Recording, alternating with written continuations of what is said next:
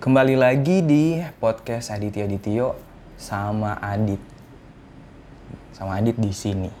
uh, episode sebelumnya uh, asik menurut saya karena uh, akhirnya saya bisa bikin podcast sama orang yang dua kali saya tembak dan dua kali saya ditolak.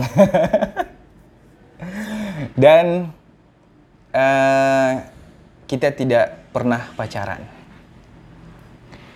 Uh, di situ saya kalau nggak salah saya bilang saya bilang gini, ah ini sebenarnya saya menghindari untuk bilang uh, di podcast ini pakai kata enggak, uh, gua.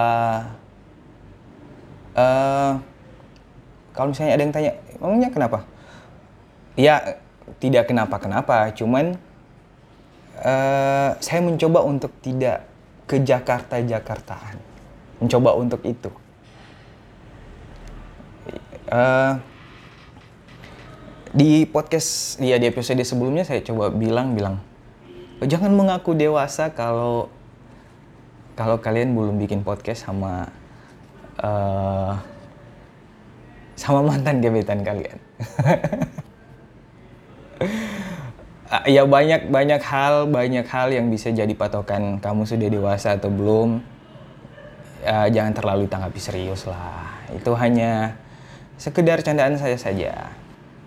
Kalian terlalu serius lah kalau menganggap uh, ya saya kan belum pernah bikin podcast sama mantan gebetan tapi saya sudah cukup dewasa kok. Bisa jadi kan ada yang bilang seperti itu. Nah Hmm, di episode epi, episode kalau kita sih di sini bilangnya episode tapi kalau misalnya saya ngobrol sama teman di di luar Sulawesi ya mereka pasti bilangnya episode. Nah di episode ini episode ke berapa ya ini? Ke ke delapan saya mau bahas soal ini saja. Saya mau cerita oh bahas cerita soal ini. Ada yang pernah tanya, e, kenapa kenapa Ngana bikin jadi kalau saya sebut Ngana itu itu artinya kamu. Ini merasa kayak ada yang dengar saja sudah. uh, ada yang pernah tanya ke saya, kenapa Ngana bikin bikin ini semua, bikin podcast, bikin blog. Ini sebenarnya di episode-episode sebelumnya saya sudah bilang sih alasannya kenapa. Tapi tidak apa-apalah, saya bilang ulang lagi di sini. Uh, jadi pertanyaannya begini, ada kelanjutannya. Uh, kenapa Ngana bikin ini semua? Supaya mau dibilang banyak karya. Supaya mau dibilang orang Ngana punya banyak karya ya, seperti itu pertanyaannya. Nah, arti akhirnya itu bikin saya tergelitik untuk bahas bahas itu di di sini di podcast ini. Sebelumnya saya sudah bahas di ini di pas siaran di di Spoon. Nah, awal-awal saya bikin bikin lagu, bikin bikin podcast ini, kepikiran bikin podcast, bukan podcast yang ini ya, podcast sebelum ini ada tuh yang di di SoundCloud namanya podcast orang bercerita. Nah, bikin itu dan hal-hal lain yang saya bikin di luar rutinitas saya. Iya, awalnya uh, alasannya itu supaya orang bilang saya punya banyak karya. Iya benar. Tapi makin ke sini akhirnya uh, saya pikir capek rasanya kalau kejar itu dan uh, tidak ada apa ya ketika saya kejar itu kenapa saya seperti tidak mendapat kepuasan gitu. Akhirnya saya pikir oh kayaknya ada yang salah dari itu. Makanya pas ke sini saya uh, entahlah bisa disebut akhirnya sadar mungkin itu salah menurut saya. Dan saya ubah alasannya. Saya harus bikin semua ini ya untuk diri saya sendiri.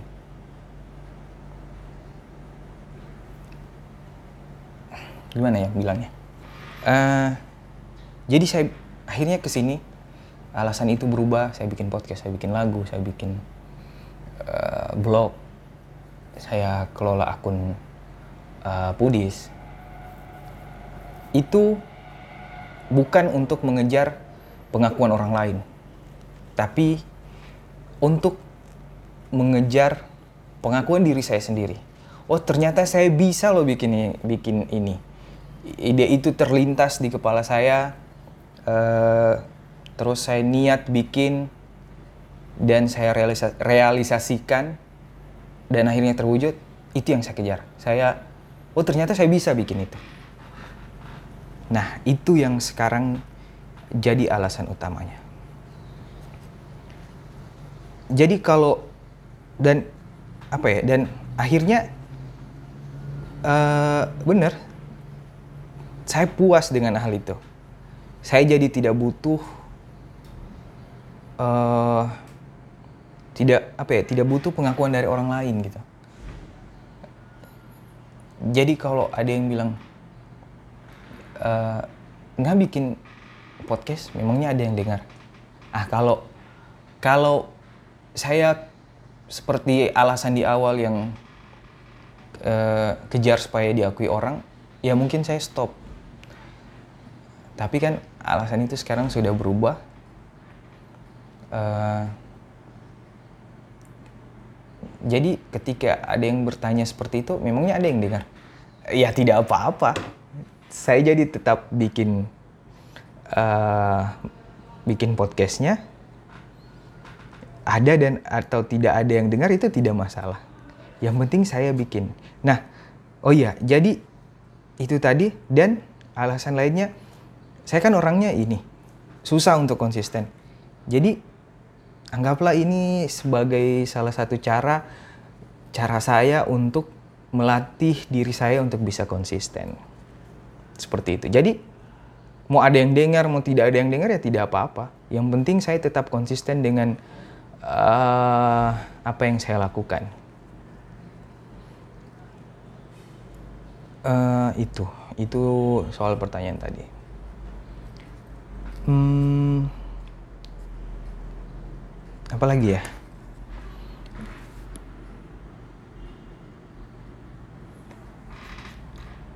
Nah, uh,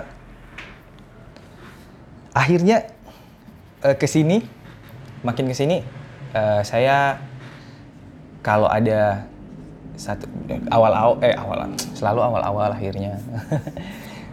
Jadi sebelum-sebelumnya kalau mau rekam podcast ada satu topik yang terlintas terlintas gitu. Habis itu saya bilang oh iya nanti mau bahas ini. Tapi seringnya pas sudah klik tombol rekam eh malah lupa. Belajar dari itu, eh, sekarang-sekarang ini saya catat itu di note di handphone. Jadi misalnya di jalan lagi terlintas, oh kayaknya bahas ini nanti untuk episode ini. Nah, terus pas nanti sampai di tujuan itu cepat-cepat saya uh, catat satu dua kata di di note. Itu yang nanti pas mau rekam podcast oh ini uh, ini udah udah ada bahan. Jadi cuma satu dua kata uh, sebagai bahan pengingat aja mau bahas itu. Nah selanjutnya pas rekam ini itu tanpa skrip dan apa yang terlintas di kepala saja. Jadi kalau misalnya ya ada yang dengar sampai di menit ini ya. Dan uh, tata cara bicaranya tidak teratur ya dimaklumi saja Uh, jadi salah satu yang terlintas itu uh, apa ya tadi tunggu saya lihat not. Nah, uh, soal kata adalah doa dan ternyata iya itu benar. Ada beberapa kata yang uh, kita ucapkan dengan serius kita masukkan itu dalam doa dan akhirnya terkabul terwujud. Ada juga yang cuma sekedar uh, apa ya istilahnya kalau di sini. Kalau di sini sih cuma bilangnya cuma asal bicara, nyeletuk gitu. Itu ada juga yang kejadian. Pengalaman saya waktu itu uh, waktu lagi dengan uh, mantan dulu. Nah, mantan saya itu langsung jadi ada satu momen saya lagi dengan mantan mantan saya lagi dia kan waktu itu dia posisinya jadi ini jadi bendahara di kelasnya. Di kelas kuliah maksudnya di kelas bangku kuliah. Dia jadi bendahara gitu. Mereka mau adakan satu kegiatan dia dipercayakan jadi bendahara nah di momen itu saya eh, bantu dia untuk hitung uang gitu. Dia minta tolong bantuin hitung uangnya. Sudah saya bantu. Terus dia heran gitu lihat lihat saya uh, atur uangnya itu menurut dia rapi banget. Uh, tidak ada yang terbalik. Jadi biasanya kan ada yang ada yang tidak gimana ya menggambarkannya? Uh, ada yang kepalanya di bawah ada yang di atas ada juga yang terbalik kayak gitu. Nah ini semua seragam saya bikinnya gitu. Terus dia nyeletuk gitu. Memang uh, nggak ini cocok jadi teller. Iya ya kita bilang gitu uh, beberapa tahun kemudian saat saya sudah tidak sama-sama dengan dia lagi uh, saya jadi teller di satu bank. Bukan bank konvensional bank konvensional juga sih bank simpan pinjam gitu. Tapi saya jadi teller. Nah pada saat saya jadi teller itu saya langsung teringat momen itu momen yang tadi saya cerita. Saya langsung ah iya ya bener. Apa itu? Langsung diaminkan gitu dan akhirnya terkabul gitu. Jadi ya bener sih kalau celetukan-celetukan itu coba di ini sebisa mungkin dikontrol karena bisa jadi itu terwujud. Itu salah satu celetukan yang menurut saya di di diri saya itu benar-benar terkabul dan terwujud. Saya lupa apa lagi yang lain. Uh, apa ya? Ah lupa. Lupa, lupa. Itu. Hmm. Ya, itu. Cuman itu salah satunya uh, salah satu poin yang saya tulis di note selain uh, celutukan yang jadi doa eh yang jadi doa dan akhirnya terwujud itu salah satunya etika etika bapinjam. Biasanya kan orang kalau bapinjam itu uh, kalau ditolak atau tidak dikasih untuk dipinjami untuk dikasih pinjam itu barang, orang langsung yang kayak kecewa. Nah, dari kecewa itu saya ber, saya pikir kayaknya mereka tidak siap. Mereka waktu bapinjam itu tidak siap dengan dua jawaban. Mereka hanya siap satu jawaban yang jawabannya itu boleh atau iya. Padahal menurut saya kalau kamu pinjam barang sama orang itu harusnya kamu sudah sudah ini sudah siap dengan dua jawaban bukan hanya sama satu jawaban saja. Jadi kamu harus sudah siap dengan dua jawaban. Jawaban iya atau boleh dengan jawaban tidak atau tidak boleh. Jadi ketika orang yang kita pinjami bilang tidak boleh, ya kita biasa-biasa saja dan tidak akan bilang orang itu pelit. Kayak gitu. Uh, dan keuntungannya itu bikin orang yang punya barang tidak ini akhirnya jauh dari rasa ah, tidak enakan aduh nanti kalau saya tidak kasih pinjam dia marah. Ya, padahal harusnya tidak seperti itu menurut saya.